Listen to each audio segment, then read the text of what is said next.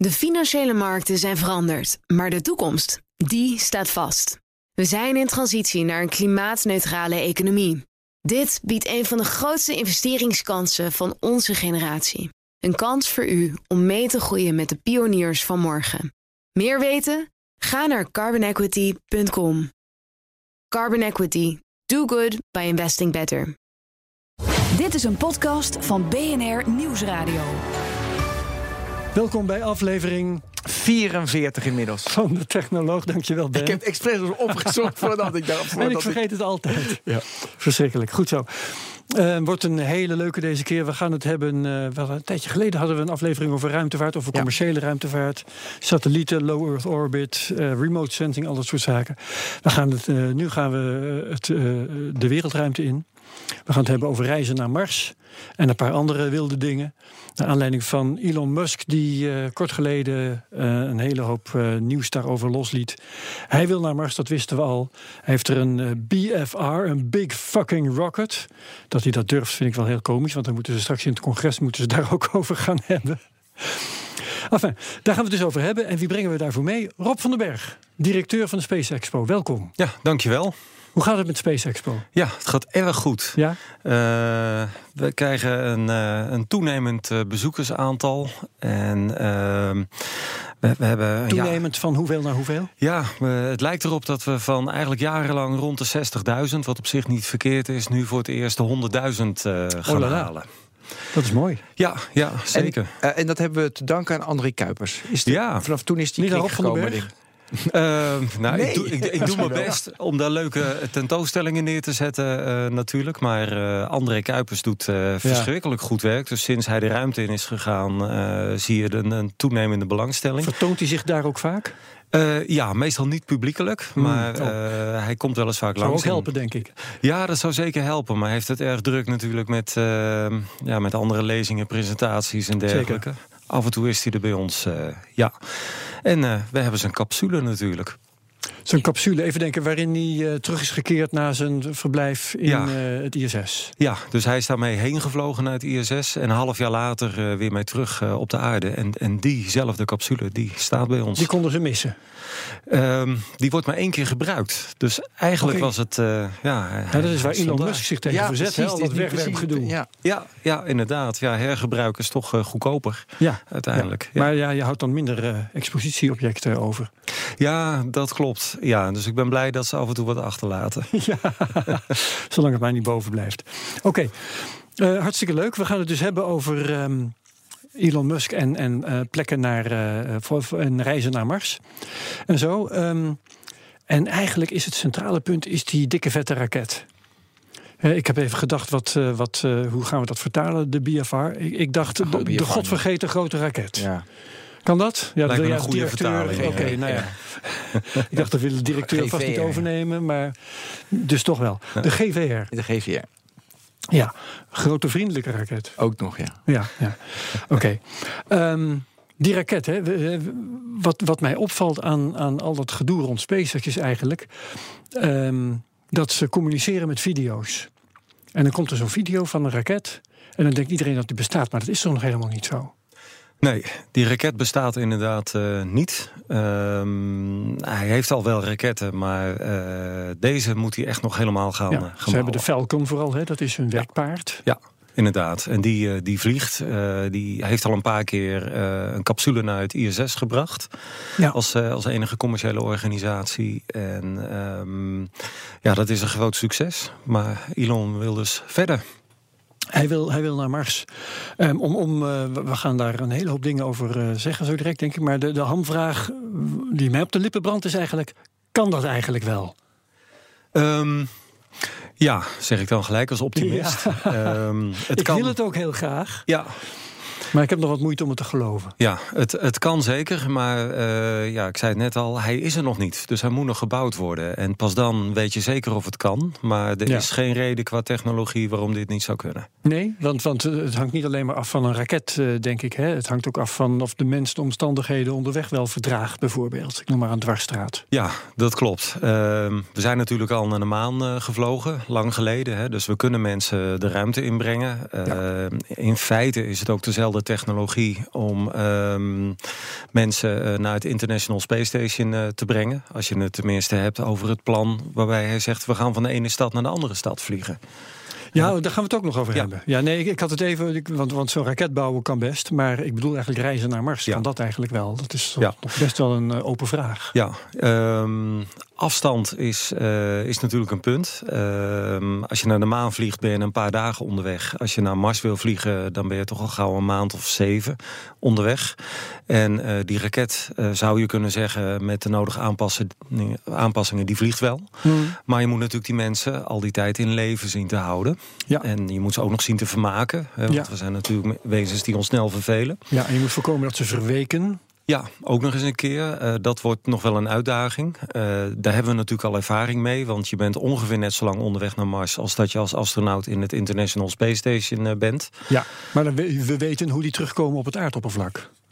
Ja, dat hebben we gezien inderdaad. Dat is geen pretje. Dan dat is niet makkelijk. aan alle kanten ondersteund worden. Ja, inderdaad. En op het moment dat je dus op Mars aankomt, dan ben je net zo zwak, zeg maar. Ja, maar je hebt het wel iets makkelijker omdat daar minder zwaartekracht is. Ja, de zwaartekracht daar is ongeveer een derde van op de aarde. Maar daar staat dus niemand om je te helpen. Dus je moet zelf uit je capsule klauteren. en daarna zorgen dat je uh, ja, gaat beginnen met overleven. Ja, maar dat, dat zijn dus al geen kinderachtige dingen. En Elon Musk zegt, we gaan in 2022 gaan we vracht eh, brengen, vracht brengen en in 2024 gaan we met een bemanning. Geloof jij dat dat lukt? Um, in, in, die korte tijd dat soort problemen precies, Precies, dat was eigenlijk een tweeledige vraag. Ja. Um, ik ik twijfel of het lukt in die tijd. Hè. Tot nu toe hebben we gezien dat alles wat Elon Musk voorspelde... Hè, over het succes van elektrische auto's en dergelijke... zijn eigen ruimtevaartorganisatie... Uh, alles wat hij tot nu toe geroepen heeft, dat, uh, dat heeft hij gerealiseerd. Maar nooit binnen de planning die hij geroepen heeft. Nee, dat is ook waar. Ja, ja, ja. ja. En, en uh, hij roept ook wel steeds wildere dingen, trouwens, onder ons gezegd en gezwegen. Want die Hyperloop is al vrij wild. En hij boort tunnels onder Los Angeles, geloof ik dat het is om het fileprobleem daar te verlichten. Dat, uh, ik, ik vraag me wel eens af of u nog contact heeft met de realiteit. Ja, wat ik net al zei, hè, tot nu toe. Ja, ja, dus later, maar ook de timing is interessant. Hè? Dus hij haalt de productie van het, uh, dus van een Tesla weet je, Model 3 niet. En ja, ik vind dat nu op een gegeven moment te toevallig... dat hij daardoor met zijn presentatie komt voor SpaceX... dat ze ah. Ja, ja ik, ik, nu, ik ga. Ik denk dat het uh, in elkaar grijpt. Business-wise eh, vind ik het een, beetje, een beetje afleiden van de problemen. En dan gaan we maar weer een, een great uh, Harry goal zetten. Dat, dat gevoel heb ik.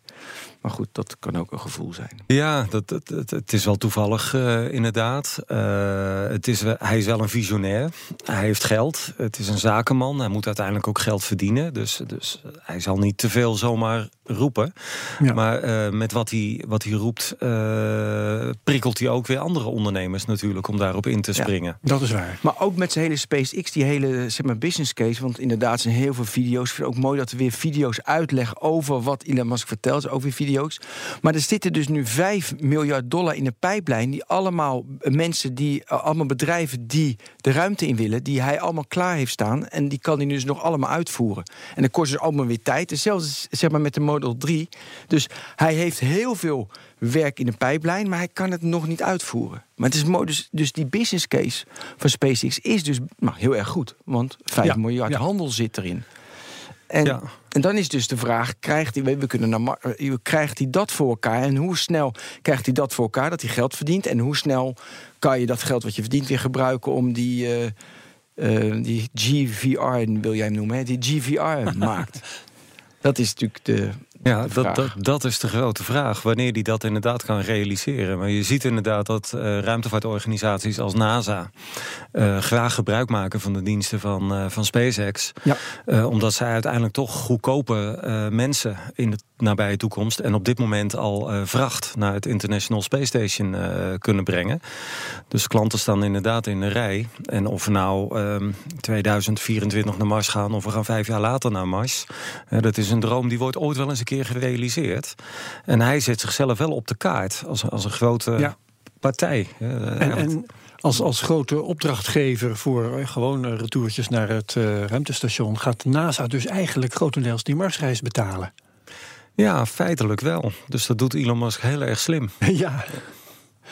Oké. Nog even over de terugkomen. Want die, uh, die, de GVR, ja, ik ga hem nu ook GVR noemen, leuk. uh, de, ik heb gezien dat gaan, gaan ze 40 soort cabins maken. Want er moeten uh, zeg maar, veel mensen in. Waardoor je zeg maar, 100 mensen kan vervoeren. Maar je kan dus niet zoveel trainen, ook niet in ISS, dat je spiermassa nog een beetje op peil blijft. Dus dat is onmogelijk. Een mens kan niet zoveel trainen. Op de fiets zitten moeten ze natuurlijk. En weet je, zeg maar, gewichttrainingen doen. Dat kan dus niet. Je verliest altijd spiermassa je bent dus altijd ja, eigenlijk de pineut fysiek gezien. Um, ja, hij, hij, wil er wel rekening mee houden dat je kan uh, sporten aan boord al die tijd. Ja. ja. En, je, je kunt de schade beperken. Dat je kunt de schade. Ja, je kan het. Ik, ik heb van anderen wel eens gehoord dat, dat sommige astronauten fitter weer uit het ISS oh, komen. wel dus. Zie je dat? Ja, omdat ze toch wel. Ja, je sport okay, elke dag twee uur lang. Maar je kan niet alle spieren even goed nee, uh, trainen nee. als dat je dat op aarde doet. Dus het zijn met name dan je lange spieren bij je lange botten. Uh, die kan je met fietsen, hardlopen, gewicht heffen, kan je die goed bijhouden. Gewicht heffen? Ja, dat is leuk hè, in de ruimte. Gewoon even duizend kilo optillen. Het is toch gewichtloos. Nee, dat, dat doen ze dus met allerlei veren en, zuigers en, en, en okay. zulke soort systemen. Ja. ja. Dus je kan de schade wel beperken. Je kan dus gewoon een paar uur per dag blijven sporten. En, en dan helpt het wel mee dat op Mars de zwaartekracht een stuk minder is dan op aarde. Ja, ja. En dan, maar er zijn meer dingen die overkomen moeten worden. Ik vind dat hele proces dat hij doet, dat, dat, dat hij dus uh, het van aarde loskomen, dat kost heel veel energie. Dus hij doet dan satellieten waar je do waardoor je wordt bevoorraad. Dat is, zijn een van die dingen. Kun je even uitleggen welke elementen hij gebruikt waardoor het wel lukt? Dus van aarde loskomen is een, zeg maar landen, dat je kan landen, dat je hem kan hergebruiken, is een tweede. Uh, goed sporten, dat mensen niet gek worden, dat is een derde. Welke elementen moeten er overwonnen worden waardoor het volgens Elon Musk wel lukt? Ja. Uh, het, het, belangrijkste probleem is eigenlijk van... wij kunnen best een raket ontwikkelen waarmee je naar Mars kan met mensen. Maar het probleem is inderdaad dat je ook weer, eigenlijk weer terug moet. Uh, de organisatie Mars One die, die geeft aan van nou ja, we gaan pioniers op Mars zetten en het is een enkele reis. Ja. Uh, je kan je afvragen of dat ethisch is, uh, et cetera. NASA en, en Elon Musk zeggen van nou, wij gaan mensen ook terugbrengen.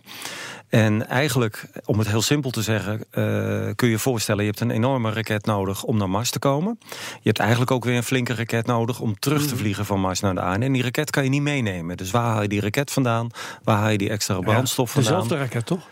Uh, ja, het makkelijkste is dezelfde raket als je die weer opnieuw zou kunnen vullen uh, met brandstof. En dat is het uh, systeem waar Elon Musk het over he heeft. Uh, je kan met satellieten om de aarde, vrachtschepen om de aarde, kun je zeg maar je raket opnieuw bevoorraden. En dan hoef je eigenlijk alleen maar van Mars met een veel lichtere raket naar die bevoorradingsraket te gaan die al om Mars heen cirkelen. Mm, ja. En datzelfde trucje kun je bij de aarde ook weer gebruiken. En dat je een raket hebt, dat is heel slim van Elon Musk een raket die weer kan landen. Dat bespaart niet alleen geld, maar dat is ook zeg maar, een sleutel uh, tot succes uh, om vanaf Mars uh, weer terug te kunnen vliegen. Want je kan je raket op Mars laten landen. En op Mars heb je CO2 en H2O. En daar, dat kan je omzetten in volgens mij C4. CH4 en CH2, als ik me niet ja, vergis. En dat is weer de brandstof om weer terug te gaan. Ja, uh, eigenlijk simpel gezegd, uh, er is water op Mars. En als er water is, dan kan je dat omzetten in onder andere waterstof en, uh, en zuurstof. Dat ook. wat een hele belangrijke raketbrandstof is. jij noemde CH4. Nou, de, dat, ik, ik, ik zag dat filmpje en ik, nee, nee, nee, klinkt ook heel brandbaar. Hou me. nou, dat is mooi. Dat is goed. Ja, maar op het moment dat je water hebt, dan kun je met zonnestraling en zonne-energie ja, kun je water omzetten in raketbrandstof. Oftewel waterstof en zuurstof. Dan moet je al uh, flinke kofferen met zonnepanelen meenemen. Of gaan ze, gaan ze die ook ter plaatse maken? Ja, uh, dat is altijd een probleem. Hè? Of je moet het meenemen of je moet het ter plekke maken. Ja. Maar dan, dan moet je toch weer machines meenemen en grondstoffen uh, en dergelijke. Ja. Uh, dat is dus nog wel een probleem. Je kunt, de plannen van Elon Musk zijn om binnen vrij korte tijd 100 mensen op Mars neer te zetten. Maar hij laat zich nog niet helemaal uit over hoe ga je die 100 mensen dan in leven houden. En hoe ga je voor alle faciliteiten zorgen dat ze daar kunnen wonen, kunnen schuilen, voldoende voedsel hebben. En ja. vervolgens dus inderdaad ook weer terug kunnen. Maar toch ook in die lavatunnels moeten ze toch wonen? Dat heb ik gelezen. Ja. Het interessante is dus dat die video die hij laat zien, dat ja, een bovengrondse stad. Ja, weet ik. Maar ik las juist, je moet geen bovengrondse stad bouwen. Je moet lava. Krijgen we het debat al? Ja. ja. We moeten la in de lavatunnels. Ja, je moet, je moet onder de grond gaan leven. Want uh, om te beginnen heb je natuurlijk al. Uh, ja, je hebt geen atmosfeer, nauwelijks. Hè. Die, die is 200 keer dunner op Mars dan op aarde. Je moet je beschermen tegen meteorieteninslagen. Hier op aarde doet onze atmosfeer dat voor een hele, heel groot gedeelte. En je moet je beschermen tegen kosmische straling. Hè. Straling uit het heelal en straling van de zon. Die uh, echt dodelijk is uh, voor leven op, op het oppervlak. Dus als astronaut kun je ook niet heel lang in je ruimtepak op het oppervlak rondlopen. Anders bezwijk je aan, uh, aan die straling. Dus je moet onder de grond inderdaad. En dan moet je gebruiken wat er al is aan lavatunnels. als je die daar kan vinden. dan zou je daar inderdaad je stad moeten gaan bouwen. Het klinkt nog niet alsof het een heel gezellig leven gaat worden daar. Nee, uh, je zal altijd ingeblikte lucht blijven ademen. Uh, je moet ondergronds leven. En als je naar buiten gaat, dan moet je een luchtdicht pak aandoen. Ja, het wordt in wezen een ruimtestation, maar dan met een beetje meer zwaartekracht. Ja, ja, wat op zich wel weer een voordeel is. Hè, want dan kan je in ieder geval je spieren blijven trainen. Ja, ja, ja. ja, maar, maar, je zal dus ondergronds gaan leven. Ja, maar ik denk bij de selectie moet je niet... Kijk, heel veel mensen zijn afhankelijk van heel veel externe factoren... of ze gelukkig zijn. Maar er zijn ook mensen die zijn van interne factoren... of ze gelukkig zijn. Dus in de selectieprocedure moet je mensen nemen... die helemaal geen uh, toeters, bellen en champagne nodig hebben... die, die vanuit zichzelf al een, een rijk leven hebben... En die moet je sturen naar mijn idee. Want daar leven je in een god maakt niet uit. Want ik heb een rijk innerlijk leven. maar zit dat in de selectieprocedure? Of? Um, ja, uiteraard. Als je het gaat hebben over de professionals, de astronauten die Mars moeten gaan verkennen, dan wordt er heel erg sterk gekeken naar het type persoonlijkheid. je zit natuurlijk al zeven maanden opgesloten in je kleine ruimtescheepje. Met op elkaars lip. Uh, op elkaars lip. Uh, je kan er niet even uit en de deur achter je dicht smijten. Uh, dus de psychologische factor naast gezo goede gezondheid en, en, en, natuurlijk een goede opleiding is, is minstens net zo belangrijk. Ja. Um, heel veel problemen dus die, die opgelost moeten. Maar wat heeft de mens daar eigenlijk te zoeken? Straks ben je daar met z'n honderden, wat gaan ze daar doen? Ja, uh, waarom gingen we ooit Amerika ontdekken? En, uh, waarom ga je op reis en pionieren? Ja, het is, er zit natuurlijk een soort ontdekkingsdrang in, ja, in onze genen. Zeker, dat... maar dat, dat, dat, die, die referentie, hè, dat we gaan Columbusje spelen... dat vind ik toch allemaal wat moeilijk te verteren. Want daar is helemaal niks. Nou, dat hangt er maar vanaf waarnaar je op zoek bent. Je hebt natuurlijk een nieuwe planeet. Uh, die kan je, zeg maar, hoe primitief ook gaan koloniseren. Uh, er zijn natuurlijk delfstoffen te vinden. Uh, je kan eeuwige roem uh, vergaren natuurlijk door daar te zijn. Ja. Um, nou, maar als je eenmaal 100, Musk zegt op de duur een miljoen dan telt dat niet meer. Nee, en als je het daarover hebt, dan heb je het eigenlijk niet meer over wetenschappers die daar onderzoek gaan doen, maar dan heb je het over uh, kolonisten. Ja. Eh, of toeristen misschien. Ja. Uh, nee, maar daarom, daarom stel ik die vraag van wat gaan ze daar doen? Uh, een, een, kolonie en uh, zeker als je praat met, uh, over getallen boven de 100 uh, tot een miljoen, dan moet je daar gewoon iets serieus te doen hebben. Dan ja. moet je daar bijvoorbeeld, ja, noem het maar gewoon ja, maar... een verdienmodel of zoiets moet je hebben. Ja, maar daar dat, wat zinvols te Maar dat is natuurlijk ook op aarde zo. Dat je kan toch delfstoffen kan je, kan je uit de grond halen, je kan schrijven, radioprogramma's maken. Ja, ja, weet je, mooie foto's maken, maar ook ja, ja er zal altijd wat te doen zijn. En dat is eigenlijk ook de visie van, uh, van Elon Musk. Wat hij zegt, uh, we zijn ertoe in staat. En we zijn toevallig uh, ja. op aarde geboren. Maar nu is de tijd gekomen dat we dus gaan uitzwermen. En ja. Mars zal ook niet de laatste planeet zijn waar we naartoe gaan. Ja. En die gaan we gewoon bevolken. je moet natuurlijk niet denken van de aarde raakt vol. dus we gaan verhuizen naar een andere planeet. Want je gaat niet 7 miljard mensen verhuizen.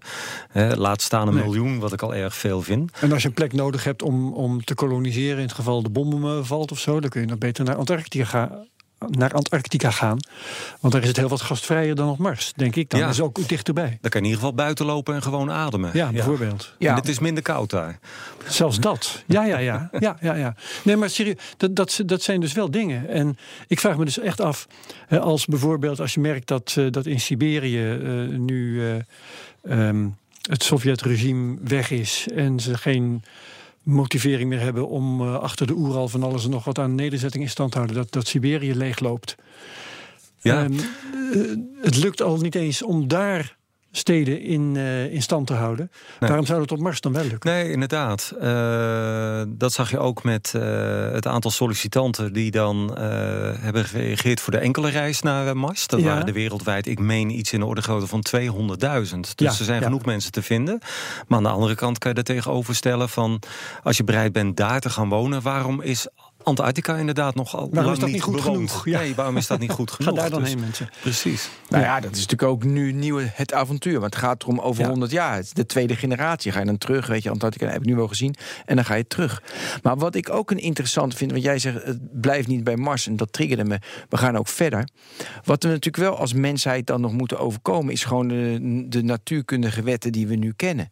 Want dat hele space, naar mijn idee, maar dan moet je me corrigeren, is dat, weet je, gaat sneller en gaat beter. En, uh, en Musk kan dit vertellen omdat de computer power neemt toe. We hebben meer data en we hebben beter algoritme en dan kunnen we beter analyseren. Maar ja, we zitten nog steeds vast aan een bepaalde snelheid met zo'n raket. En we zitten nog steeds vast aan brandstof. Ja, dat wordt iets ietsje effectiever, maar niet fundamenteel. Dus we hebben niet wat we wel in software een fundamentele, beetje exponentieel wordt er dan gezegd, uh, zeg maar, ommekeer hebben meegemaakt. Dat zie je niet in naar Mars gaan. Weet je, want dit was 40 jaar geleden, behalve de computerpower, behalve software, 40 jaar geleden eigenlijk hetzelfde verhaal. Ja. dus. En volgens mij kunnen we niet verder naar Mars. Of, want dan, ja, dan zitten we vast aan de, aan de natuurkundewetten die we nu hebben. Kan je daar nog een ja. vergezicht of iets ja, zien? Eigenlijk is het de technologische beperking ja. uh, die we nu hebben. Want uh, we, we, vliegen nu met chemische raketten, chemische brandstof. En uh, dan hebben we zo ongeveer de maximale mogelijkheden wel bereikt. dat betekent dat als André Kuipers met zijn Soyuz naar de allerdichtstbijzijnse ster zou willen vliegen... op, op ruim vier lichtjaren afstand... dan ben je toch al gauw 70, misschien 80.000 jaar onderweg met de huidige technologie. Um, de natuurkundige wetten, dat is heel grappig, die laten wel toe dat we uh, door het hele heelal kunnen reizen. Ik was toevallig bij uh, een lezing van uh, professor Vincent Ike. -hmm.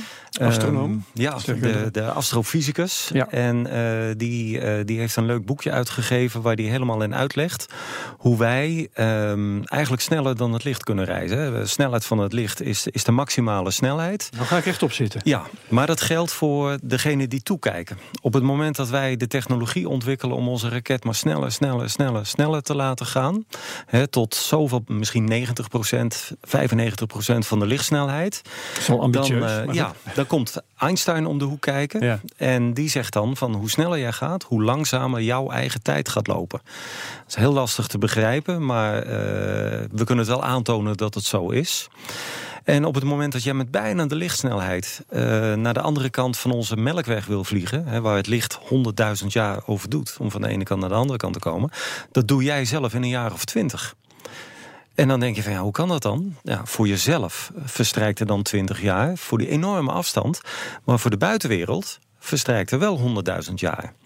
Dus door op die manier met wat we dan noemen relativistische snelheden te vliegen, gaat je eigen klok zo langzaam lopen dat zelfs in theorie de grenzen van het universum dat haalbaar zijn.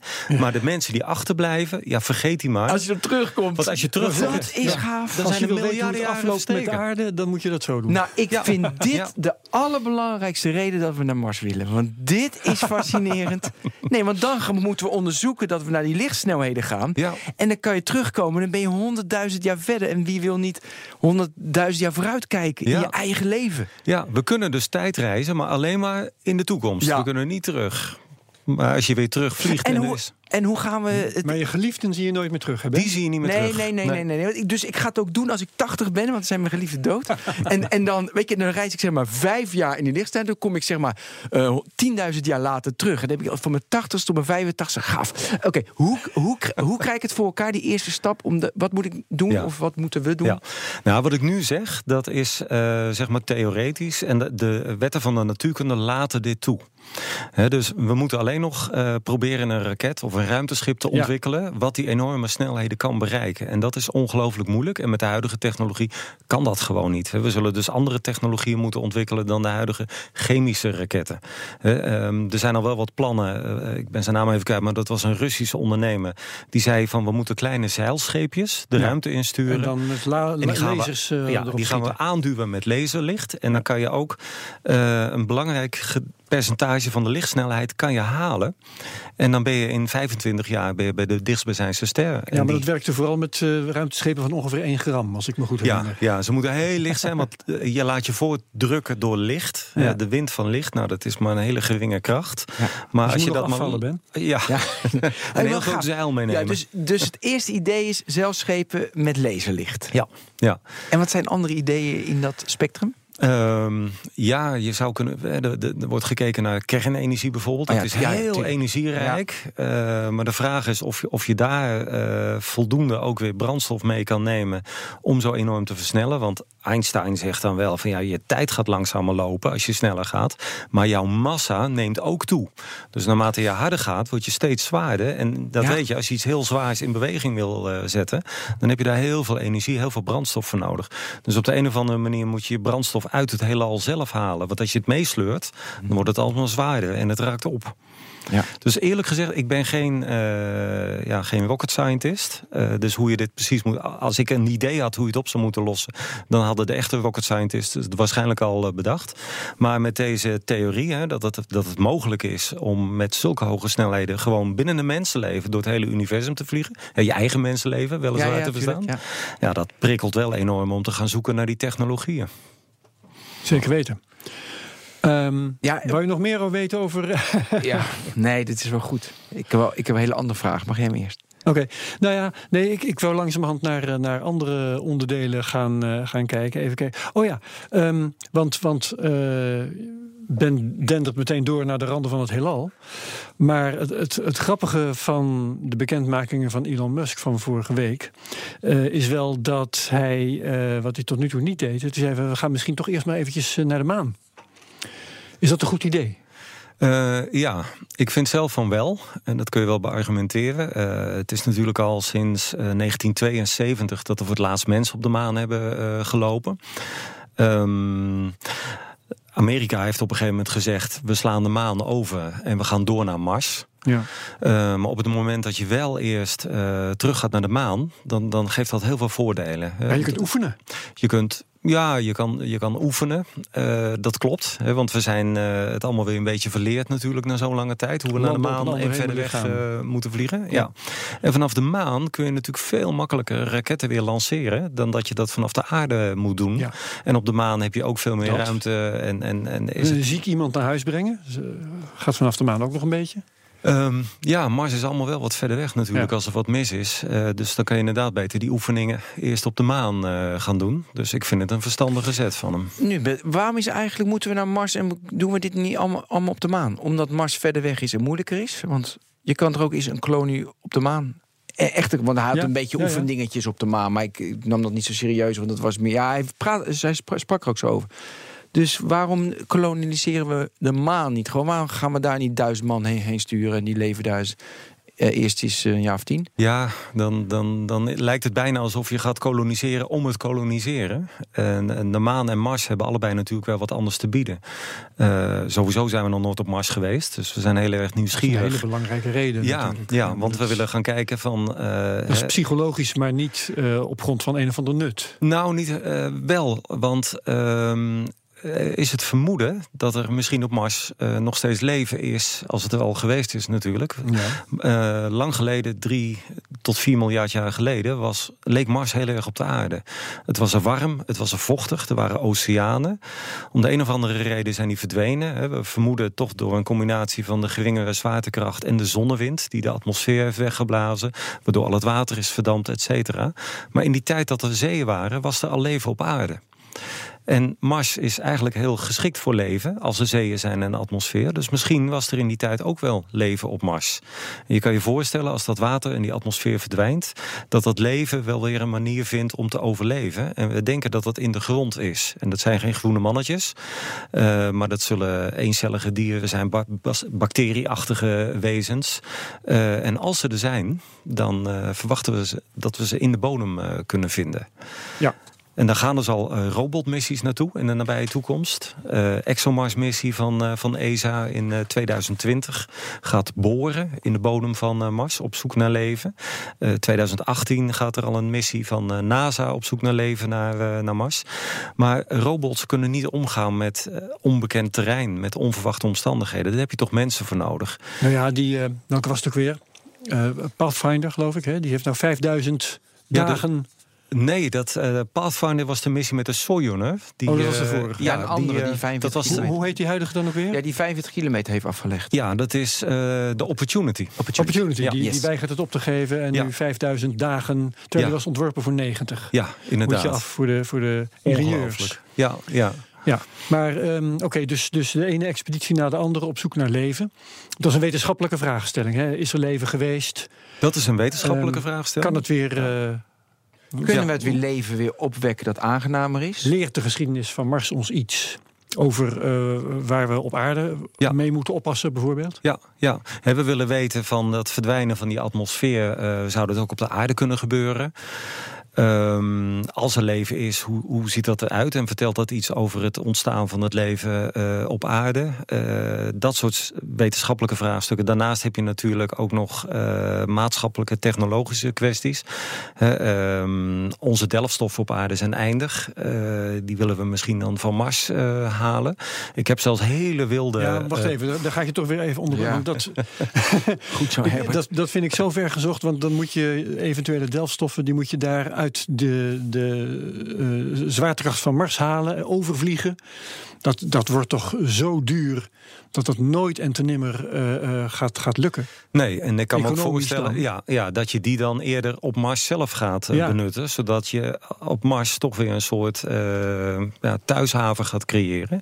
Waar je in ieder geval je kolonisten zelfstandig onafhankelijk kan laten functioneren. Ja. Die delfstoffen willen we op een gegeven moment wel uit de ruimte halen. Maar er zijn wel andere slimme plannen voor. Door, Zeker, ja. ja, ja, ja, ja we gaan meteorieten, ja. of niet meteorieten, maar nee, planetoïden gaan we dan invangen.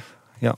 Maar goed, als we al dat geld stoppen in een goede, uh, in een goede circulaire economie op aarde, dan ben je volgens mij ook, uh, ook over van verlost. Want we hebben het op aarde kunnen we toch doen. Kijk, nu buiten dingen uit hebben afval, maar als je dat één maakt, dan hebben we het allemaal niet nodig. Nee, dat, uh, dat klopt. Um, op een gegeven moment zou je misschien wel een rem moeten zetten op je wereldbevolking, want dat kan niet eindeloos toenemen natuurlijk. volgens economische modellen kan het nog wel een stuk toenemen natuurlijk, maar op een gegeven moment moet, moet de handrem erop.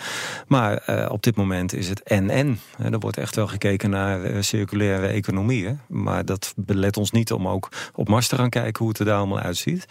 En, en ja, in eerste instantie is dat wetenschappelijk gedreven. En vanuit Elon Musk, nou, die ziet daar gelijk uh, handel natuurlijk om daar mensen naartoe te brengen. Ja, maar het zal een financieel motief zijn? Bij hem al handel? Nou ja, hij is natuurlijk een zakenman aan de ene kant. Aan de andere kant is het natuurlijk ook een, uh, een visionair. En hij is nieuwsgierig. En, en hij wil echt de grenzen verleggen. En hij heeft echt gezegd van... Uh, ja, de mensen gaan de aarde nu verlaten en, uh, en gaan verder trekken. En dat is wel een, een belangrijke drijfveer voor hem. Ja. Over de, de technologie hè, is, um, want, want we kunnen alle, allerlei aspecten daarvan kunnen we nog even bespreken hier de technologie om uh, je eigen voedsel te verbouwen. En om je eigen afval te recyclen, denk ik gewoon aan, uh, aan uh, nou ja, poep en pies. En zo. Dat is allemaal, moet je dat gaan recyclen, zijn allemaal nuttige stoffen die je weer, weer wilt terugvoeren tot, tot tarwe en, en groenten en misschien vlees, weet ik veel, worteltjes. Is dat ver genoeg? Kun, kunnen we dat? Ik heb, ik heb ehm, niet de indruk namelijk. Of, of uh, heb ik dat mis? Nou, het leuke is, in, in Wageningen wordt daarmee geëxperimenteerd. Maar dat zegt al genoeg. Dat betekent dat we nog niet precies weten hoe het moet. Anders dan hoefden ze dat onderzoek niet te doen. Um, nou ja, je gaat het eerst onderzoeken natuurlijk. Ja, ja, en, en, uitproberen. En dat is gebeurd. Dus we hebben al uh, groenten die op marsgrond gekweekt zijn. Onder omstandigheden. Hè, het is geen echte marsgrond, maar nagebootst. Onder omstandigheden die vergelijkbaar zijn met Mars. En ik heb begrepen dat de aardappels en dergelijke nog niet zo lekker waren als uh, die van de aarde. Maar het is dus wel mogelijk, uh, en we weten inmiddels behoorlijk goed uh, hoe, ehm, we groenten op Mars kunnen verbouwen. Want dat is natuurlijk wel een noodzaak. Je moet je voedsel verbouwen daar. Jazeker, ja, ja. En ik, ik heb een tijdje geleden heb ik, gezien dat in het ruimtestation dat ze erin geslaagd waren om een paar slaablaadjes te kweken. En die hebben ze triomfantelijk met z'n drieën van die astronauten zitten opeten, allemaal één blaadje. Ehm, maar waar is het ruimtestation waar ze alleen maar hun eigen zelfverbouwde voedsel eten zonder dat ze bevoorraad hoeven worden? Dat is, het lijkt me dat je dat zou moeten hebben voordat je naar Mars kunt, of niet? Ja, dat is een goed punt wat je aansnijdt. Uh, het gebeurt dus wel. Hè. Er, worden inderdaad planten gekweekt en, en die zijn ook uh, opgegeten. Ze begonnen zelfs met rucola, heel toepasselijk raketsla. en um, op dit moment heeft het ISS uh, eh, natuurlijk ook nog andere doelstellingen. Ja. het is een belangrijk wetenschappelijk laboratorium voor allerlei experimenten, maar ook leren overleven in de ruimte. En dat is meer dan voedsel alleen. Het water wordt al volledig gerecycled. Mm ja. uh, André Kuipers zegt altijd uh, heel uh, snedig van... elke dag drink ik mijn eigen koffie weer. maar niet alleen zijn eigen koffie, ook de koffie van zijn collega's. Zeker, ja, ja. dus je gaat niet zeg maar, het hele voortbestaan van het ISS... en alle doelstellingen daarvan in de waagschaal stellen... Door, door van de een op de andere dag volledig op zelfverbouwde groenten over te gaan. Nee, dat is waar. Maar um, als je zegt we gaan naar Mars... Um, dan zou ik toch zeggen, ga eerst even proefdraaien... zolang je nog in een baan om de aarde zit.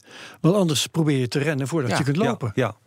Nou, je geeft ook precies uh, een van de problemen aan. Uh, de technologie ontwikkelen om naar Mars te vliegen... dat is nodig, maar dat is, er is nog veel meer nodig. Mm -hmm. En dat oefenen met voedsel moeten we doen. En we zullen nog veel meer dingen ja. moeten oefenen. En, en, en uh, moeten, dus moeten bedenken er is een hele lijst. Nog. Dus het is er naartoe ja. gaan met technologie, het is voedsel, wat nog meer? Um, kunnen ja. we namelijk vinken, dan kunnen we één voor ja. één kunnen we dat allemaal af. Nou, bijvoorbeeld. Weet hoe Musk heel erg uh, uh, ja, dus werkt. Dat zie ik. Ja. Weet je, in zijn presentaties is stap voor stap voor stap voor stap. Ja, ja Musk en heel veel dingen noemt hij dat kunnen oplossen. Ja, wel, maar hij legt dat wel dat, dat netjes. Hij zegt Disney issue, Disney issue, Disney issue.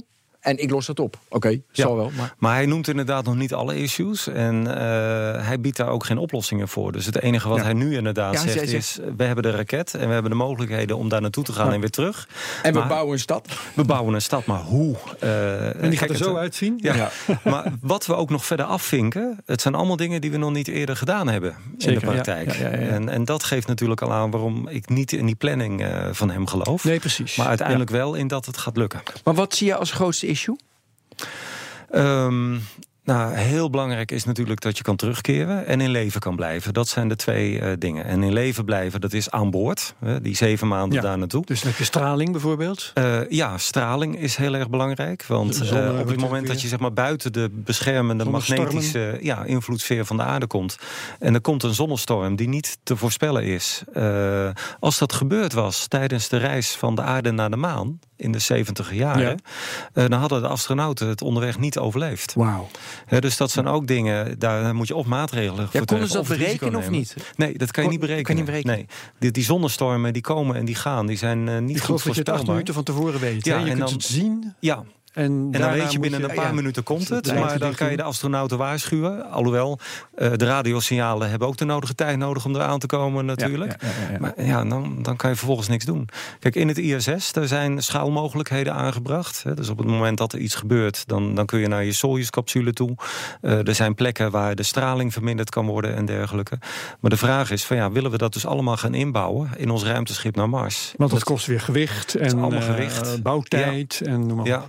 Ja, als je het inderdaad allemaal gaat afvinken, dan kom je op zoveel uh, zeg maar technologische problemen, issues, die je dus allemaal moet uh, oplossen. En als we nu onbeperkt budget hebben, onbeperkt brainpower, on, gewoon, gewoon, nu gaan we dus echt knallen met z'n allen. Lukt het dan wel in 2022 wat Musk zegt? Of denk je van, ja, want in, hebben we alle elementen op orde? Dus kan ja, het in theorie met onbeperkte resources? Ja, als, als, alles onbeperkt is, dan is het antwoord bijna per definitie ja. Maar ik kan het wel toelichten. Um, want we, eh, toevallig, uh, terwijl ik nu praat, uh, is het 60 jaar geleden dat we voor het eerst een satellietenruimte in hebben ja. gegoten. Ja, dankjewel. De, de Sputnik. Ja. En dus 60 jaar doen we al ervaring op met ruimtevaart. En we hebben dus ook al ervaring met het zetten van mensen op een ander hemellichaam. Uh, de knappe koppen hebben van tevoren heel veel dingen kunnen uh, voorzien en kunnen uitwerken om daar oplossingen voor te bedenken. En die doen dat nog steeds. Dus als jij zegt van uh, de, de resources en de willpower die zijn onbeperkt, die zijn er allemaal, dan, uh, dan zijn we ertoe in staat. Ja, en toch, weet je, is ik vind het 60 jaar, ik vind het vrij langzaam gegaan. Als ik zie hoe, de, hoe de smartphone-penetratie is gegaan. Want wanneer stond de laatste man ook weer op de maan? 1972, 72, ja, nee, is 40 jaar geleden. En dat komt waarschijnlijk omdat, de, de, uh, om, uh, omdat de resources er niet naartoe gingen, omdat de willpower er niet was. En nu is dat een beetje anders, want er, er hangt iets in de lucht. Maar het is traag, hè? Dat, dat, klopt. Ja, ik zou je zeggen, ik was vijf. En uh, toen zette uh, Neil Armstrong voet op de maan. En dat was in Nederland werd dat live uitgezonden, midden in de nacht. En ik mocht opblijven voor mijn ouders. Sindsdien ja, ja, ja. Uh, hou ik me bezig met ruimtevaart. Geweldig. en um, ja, wat je ziet is... Um, toen uh, had je natuurlijk uh, de, de, de, de wedloop tussen de Amerikanen ja. en de Russen. En, en daar had je dus enorme politieke wil. En het geld stroomde er naartoe en, en het gebeurde. En dat ging allemaal in zo'n tempo dat ik dacht van als ik zo oud ben zoals uh, als ik nu ben, 54, dan gaan we op vakantie naar het ISS. Oh, ja. En dan gaan we naar de maan toe en ja. we kunnen trouwen in dus de ruimte. Dus een teleurgesteld man? Ik was eigenlijk na een aantal jaren dat de Amerikanen stopten, was ik best teleurgesteld. Ik was gewoon boos op de NASA, dat weet ik nog. Van je begint op je Maak hoogtepunt. Je nou? ja. ja, en daarna dan ga je al die dingen ga je niet meer op voortbouwen. Ja. Het geeft ook wel aan hoe ingewikkeld ruimtevaart is. Ja, maar wacht. Uh, ik kan me die teleurstelling helemaal voor. Heb ik zelf ook een beetje. Want uh, het is toch, uh, ik zei net, het zou leuk zijn om die heen en weer reis van Ben te maken. Want dan weet je tenminste hoe het afloopt met de aarde. Hè? Maar als je toch ziet wat die reis naar de maan de uh, Amerikanen gekost heeft. Op een gegeven moment had NASA, ik geloof, 5% van het federale budget. En het is wel leuk dat je zegt van oké, okay, fijn dat de Amerikanen dat zo belangrijk vinden, maar het is buitensporig. Nee. Het is niet zo vreemd dat ze op een gegeven moment hebben gezegd... dat kan zo niet langer. Dat was even nodig om de Russen uh, te vertellen wie de baas is. Maar uh, dat gaan we niet volhouden. Ja, wat je in ieder geval wel ziet, is je hebt een bepaalde drijfveer nodig. Waardoor dat geld ja, uh, ja, wordt vrijgemaakt. En mm -hmm. op het moment dat je dat niet hebt... dan zijn er heel veel andere belangrijke zaken die ook belangrijk zijn... die natuurlijk strijden om die budgetten. Ja, maar het is natuurlijk, naar mijn idee... heb het heel erg de keuze die je maakt. Als je, zeg maar, zeg maar 5% aan innovatie... weet je, ik, zeg, ik heb vorige podcast verteld... dat het moet 10% zijn aan disruptives. Dus als je 5% ja. hebt... Nu is dat heel erg versnipperd, alles een beetje met lobbyen. Dan krijgt de, de, de voedingsindustrie iets. Maar kijk, als je dan zegt, we gaan naar space, heb je de voedingsindustrie, je hebt de technologie, je hebt de software, je hebt alle elementen werken mee aan één doel. 5% is er niet zoveel. Het is gebundeld voor iedereen is het van, hé, hey, mooi, er gaat iets gebeuren. Dus dat is niet zo... Kijk, je zou ook uh, kunnen, uh, kunnen zeggen, de honger de wereld uit. Weet je, dat, dat gaan we met z'n allen doen. Uh, dus 5% honger de wereld uit. Of je gaat 5%, we gaan naar Mars. Of in de Formule 1 stop je het. Dus het gaat meer om... Nee, maar het gaat erom waar je je innovatiegeld in stopt. En nu ik zeg honger de wereld uit, kan je natuurlijk ook wel kiezen. Dat is misschien wel iets, iets ethischer, ja. Heeft ook wel iets. Maar ja, dat is iets, iets, dat is iets ethischer. Um, ja, mag ik even een hele andere soort vraag? Want ik, nou, ik begin met een inleiding. Ik, ik was um, een jaar geleden, twee jaar geleden, was ik bij Thales. Thales maakt die, uh, maakt die uh, zeg maar, zijn navigatie. Nee, ze maken, heet dat nou? Radarsystemen. Oké. Okay. Voor de militairen. En wat ik zo mooi vond, dat is weet je, heel, heel radarsystemen, defensie, heel moeilijk. En hij zegt, als we dan een droom moeten ontdekken, ik, ik kom zo bij ruimtevaart, dan, dan gaan we iets beschrijven en dan is een boekwerken voor. Na anderhalf jaar hebben we het beschreven en dan gaan we bouwen en na drie jaar is het gebouwd en dan is het oud en dan is het weg. Dat idee heb ik ook heel erg bij ruimtevaart. Bij ruimtevaart heb ik goed beschrijven, dat security is belangrijk. Je kan het maar één keer doen, het is hartstikke duur. Dus je moet het heel erg zorgvuldig, en er mag niks fout gaan. En het mooie van Thales is, uh, hadden ze twee jaar geleden ingevoerd. Werken ze agile. Hadden ze uit de softwarewereld hadden ze dat gehaald. En nu is het zo, als zij iets nieuws maken... En ze maken maar tien radensystemen en ze verkopen er maar vijf. Hè. Dus het is echt zijn grote systemen doen ze tien jaar over. Als ze, als ze, als ze iets nieuws maken, verplicht één A3'tje beschrijven, voorkant, achterkant bouwen. Dus ze werken zelfs met radensystemen agile.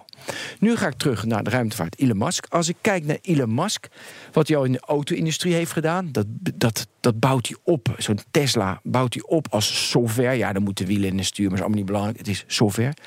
En ik heb het idee terug laten keren van die capsule, dat die hergebruikt kan worden. Hij heeft heel veel software-elementen erin gedaan om die versnelling in de ruimtevaart te krijgen.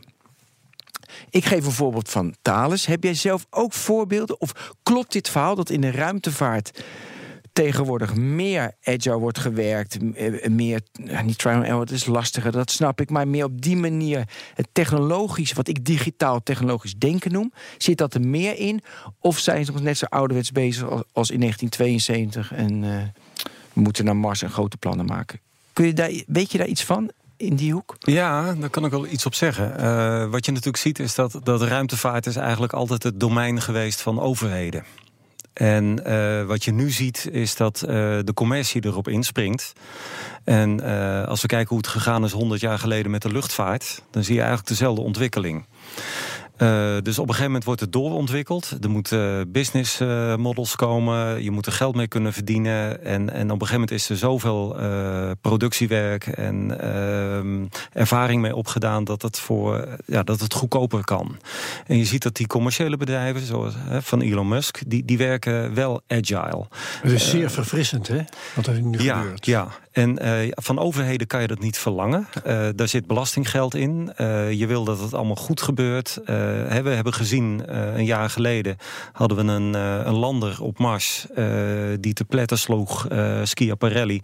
ESA gaf aan, het was een groot succes, want we hebben heel veel geleerd. De landing was een experiment en de volgende landing gaat lukken. Maar je ziet hoe de media erop inspringt. Hè. Die hebben er alleen maar oog voor, hij is, hij is. Dus het is niet zo gek dat overheidsinstanties, NASA, ESA, gewoon zoveel mogelijk risico's willen uitsluiten, waardoor projecten traag gaan en veel geld kosten. Terwijl uh, de commerciële bedrijven volgens een andere filosofie werken. Die zeggen van er hoeven geen vijf negens achter de komma om de risico's uit te sluiten, maar één negen achter de komma vinden we ook wel genoeg. Uh, wat je natuurlijk niet wil is als je de eerste toeristen in de ruimte gaat brengen, dat het dan uh, een, een, ruimteschip verongelukt. Want dan nee. dondert je bedrijf in elkaar natuurlijk, want niemand gaat meer kaartjes bij je kopen. Dus het is een evenwicht. Het, het, moet heel erg veilig, maar het moet wel wat meer agile, zodat we op een gegeven moment die markt kunnen overnemen en dat overheden met commerciële bedrijven kunnen gaan vliegen. Ja, maar dan zou eigenlijk het, het, het publiek bij zo'n crash op Mars de media en het publiek zou moeten. Ja, ja, logisch, is alleen maar goed. Dus wij als mens, ja, het is mijn belastinggeld, dat is echt zonde. Dus daar moet je ook meer denken. Ja, experiment, het is prima.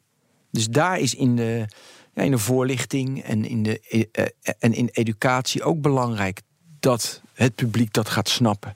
Dat dat geen crash is, dat het een leermoment is. Ja, ja, en dat doet uh, ESA NASA doen heel erg hun best natuurlijk om dat te vertellen. Uh, maar je kan het niet opdringen natuurlijk. Dus ik denk dat het een hele slimme combinatie is. Waarbij overheden zeg maar de, uh, voorop hebben gelopen met de technologie. Bedrijven springen daar nu op in. bedrijven kunnen misschien iets meer onder de radar werken. Omdat het geen belastinggeld is.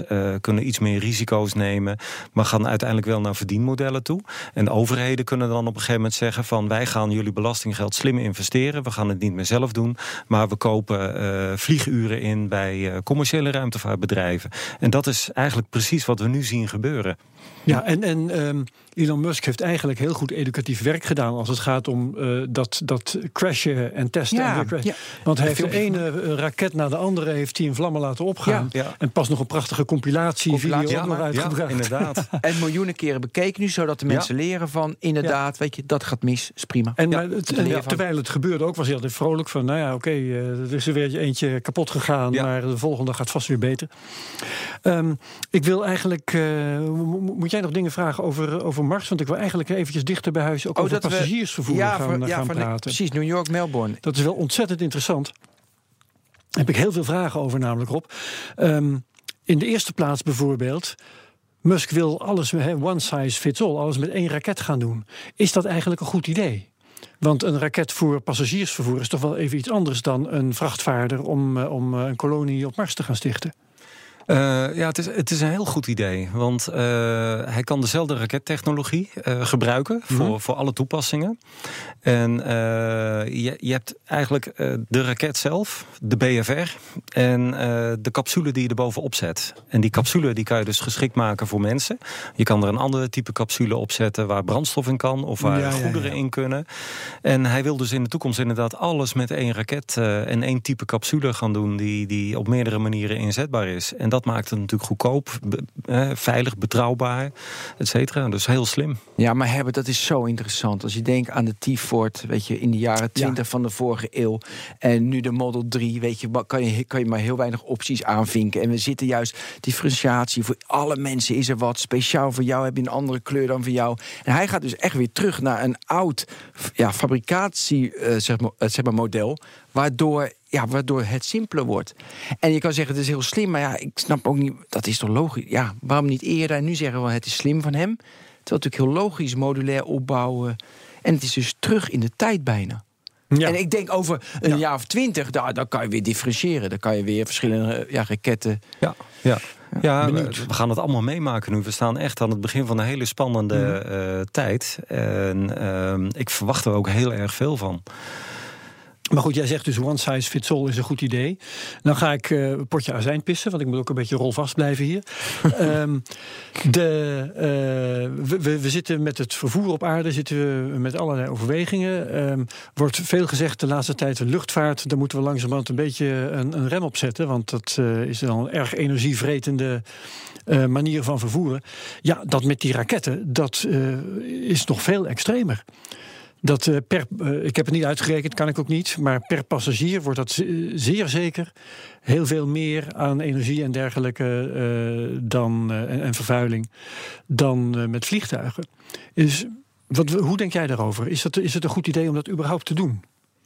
Um, ja, ik, ik, heb het ook niet nagerekend hoeveel brandstof je dan bij passagier uh, kwijt bent. Um, je vliegt in ieder geval heel kort. Is het, uh, is het ja, idee van. Ja, dat zei Rutte ook. Als je maar hard genoeg ja. rijdt, dan uh, ben je korter op de weg. Korter op de weg. vervuil je minder. Maar je verbruikt wel heel veel brandstof. Dat is grap, maar het werkt niet zo. Nee. Maar het leuke is dat de meeste raketbrandstof van tegenwoordig, dat is waterstof. En waterstof mm -hmm. verbrand je met zuurstof. En dan, uh, dan heb je een enorme hoeveelheid energie tot je beschikking.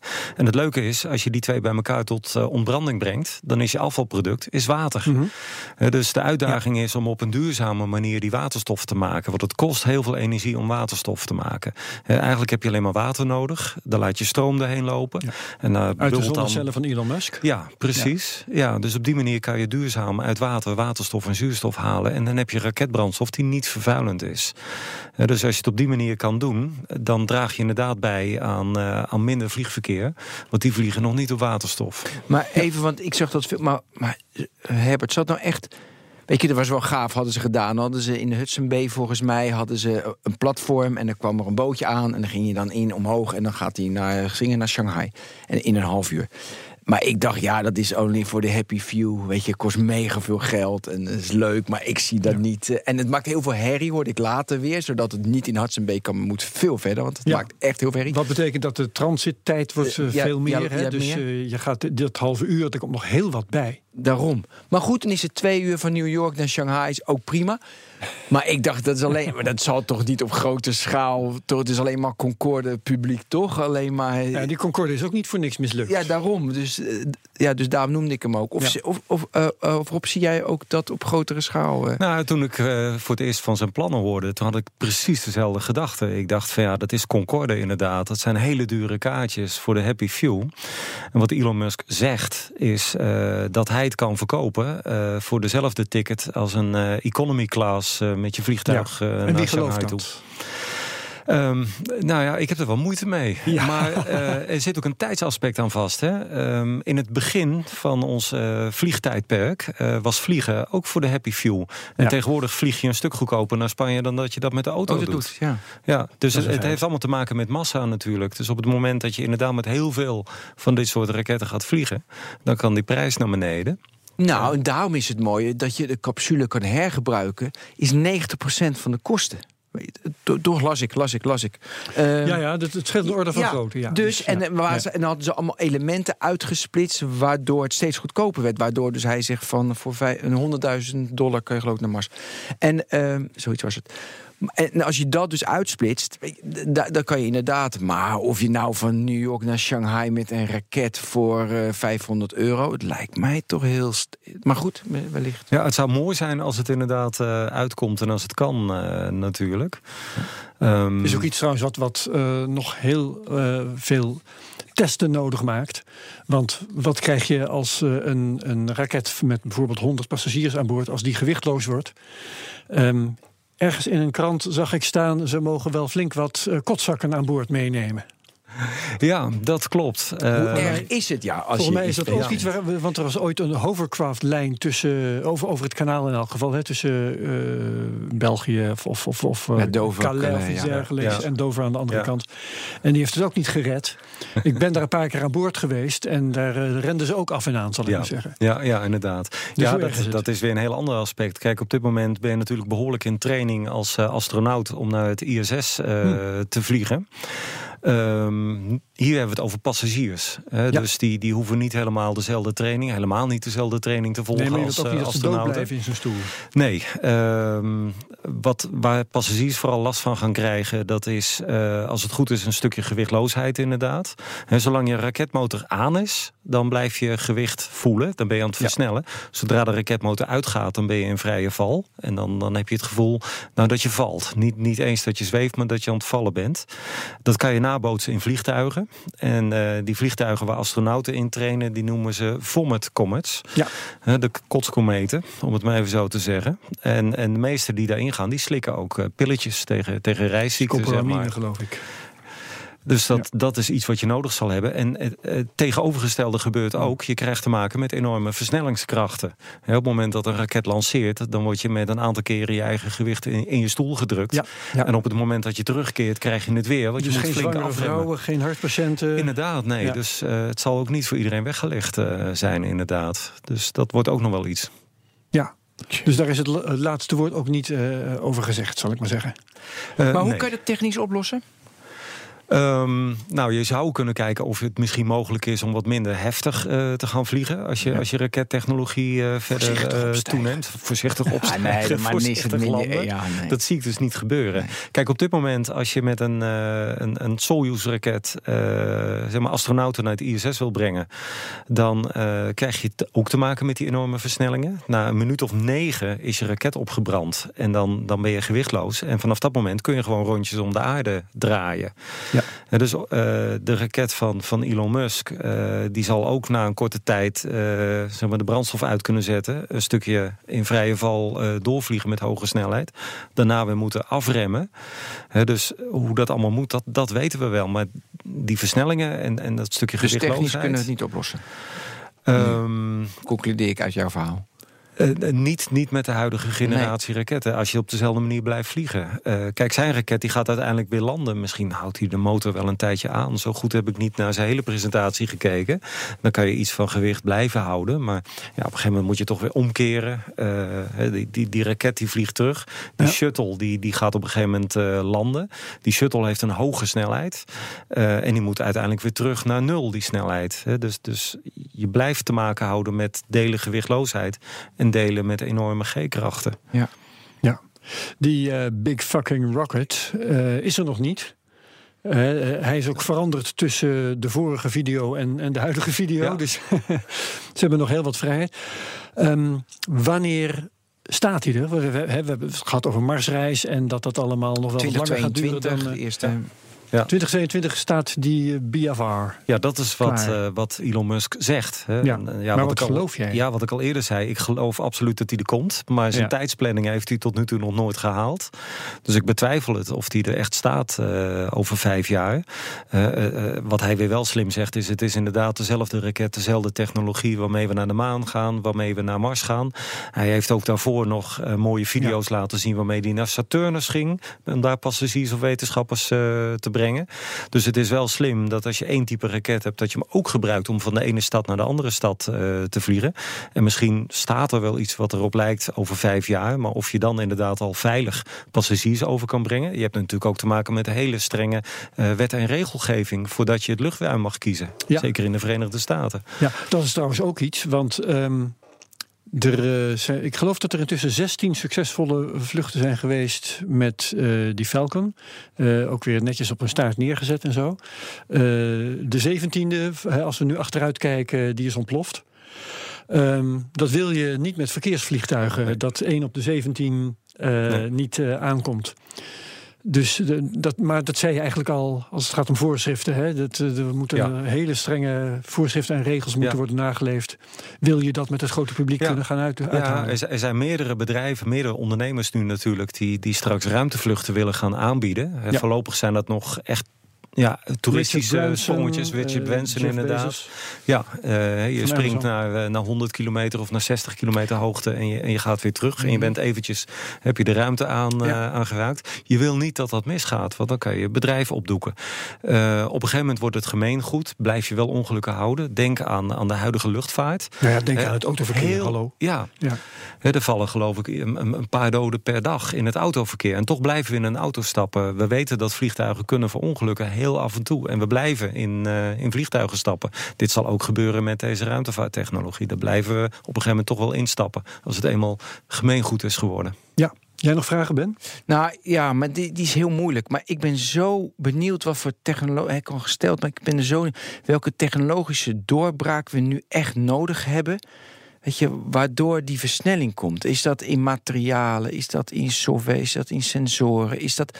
Weet je, daar zoek ik zo naar. Of in, in het, het, het recyclen van je poeppies en uh, het voedsel. Of dat, eh, daar kwam ik ook niet achter bij al die filmpjes van Musk. Weet je, het blijft abstract. Ja, we moeten naar Mars en we hebben heel veel te overkomen. En ik heb nu iets heel goeds gedaan.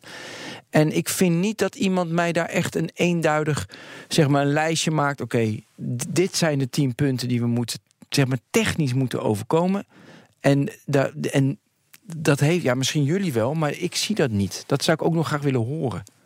Ja, eigenlijk zijn al je problemen denk ik terug te voeren op, op twee uh, mogelijke oplossingen. Dat is dat alles wat je nodig hebt, uh, of in ieder geval de grondstoffen en een 3D-printer, uh, neem je mee. Of uh, op de planeet zelf, op Mars zelf, ga je al die delfstoffen winnen. En je gaat daar maken uh, wat je nodig hebt. Uh, je kan natuurlijk niet alles meenemen. Je kan ook niet alles maken. Ja. als je kijkt wat wij. Hier op aarde kunnen we heel veel. Je zal dus heel veel moeten kopiëren van wat je op aarde kan naar Mars om het daar ook te kunnen. En dat, dat zal inderdaad niet meevallen. Ja, maar dus, mijn conclusie van deze podcast kan dus zijn dat we technologisch niets hoeven te overwinnen om 2022, ja, dat zei ik al, 2022 te halen. Het is alleen resources en wil enzovoort. Ja, ja, de technologie en de kennis is er. Is er. We moeten er ervaring mee opdoen. Uh, We moeten het veilig maken. Dus het kan. Het kan. Wat is dat positief? Ik ben het daar niet mee eens. Maar ik ga. Oh, nee, ja. Jongen, ik ga niet meer opnieuw beginnen. Dit is een unicum. We gaan een uur door. nou, ik denk dat de, de uh, luisteraars van deze podcast kunnen gewoon weer uh, de schuif terugzetten naar nul. Ja, en dan beginnen we weer helemaal opnieuw met het gesprek. Oh, dus we krijgen een circulaire, recursieve podcast. Ja, we beginnen hier. Ja, ja. buitengewoon leuk. Rob van der Berg, ik wil je heel hartelijk danken voor het eh, loslaten van al je kennis uh, over, over dit onderwerp op ons. En uh, we vragen je vast een keer terug als, uh, als er weer wat over ruimtevaart te bespreken valt. Nou, heel graag gedaan. En uh, ik kom zo weer terug. Bedankt. Er gaat een hoop gebeuren. Graag van Burg ook bedankt. Jij het bedankt. Tot de volgende technoloog. Jo, hoi.